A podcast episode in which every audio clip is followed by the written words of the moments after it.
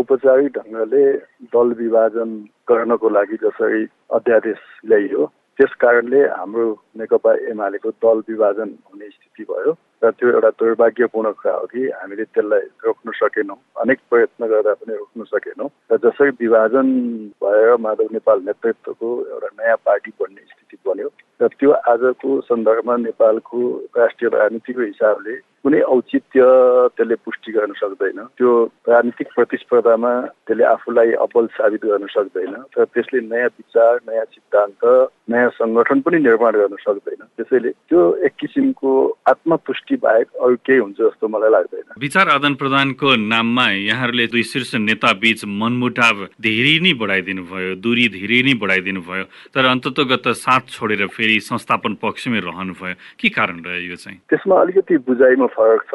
Comrade Madhav नेपालसँग जसरी हामीले विगत केही वर्षदेखि सहकार्य गर्दै आयौँ र अहिले पछिल्लो विभाजनको स्थितिसम्म पुग्दा उहाँसँग पटक पटक हामीले के भन्यौँ भने नेकपा एमालेको विभाजन आजको लागि आवश्यकता छैन यो औचित्यपूर्ण छैन। त्यस कारणले पार्टीभित्र बहस हुन सक्छ विवाद हुन सक्छ छलफल हुन सक्छ तर विभाजनतिर जानु हुँदैन। त्यसैले तपाईँसँग पार्टीभित्रको अन्तर सङ्घर्षमा हामी साथमा छौँ तर जब तपाईँ विभाजनमा जानुहुन्छ भने हामी साथमा छैनौँ भन्ने कुरा आज होइन झन्डै तिन चार महिना अगाडि नै हामीले प्रश्न बनाएको योगेशज्यू पार्टी फुटको डिलमा उभिएको बेलामा पनि दस बुधे सहमतिलाई आधार बनाएर तपाईँ लगायत केही नेताहरूले चाहिँ फेस सेभिङ मात्रै खोज्नुभयो बालकोटमा पनि खोज्नुभयो स्थायी कमिटी बैठकमा पनि खोज्नुभयो भन्ने आरोप छ नि। फेस सेभिङको खुरै होइन दस बुधे त पार्टी एकताको प्रस्थान बिन्दु भनेर कमरेड माधव नेपालले पनि स्वीकारेको कुरा हो। त्यो दस बुधेलाई नेकपा एमालेको स्थायी कमिटीले अनुमोदन गरेको छ स्वीकारेको छ र त्यसलाई कार्यान्वयन को निम्ति अगाडि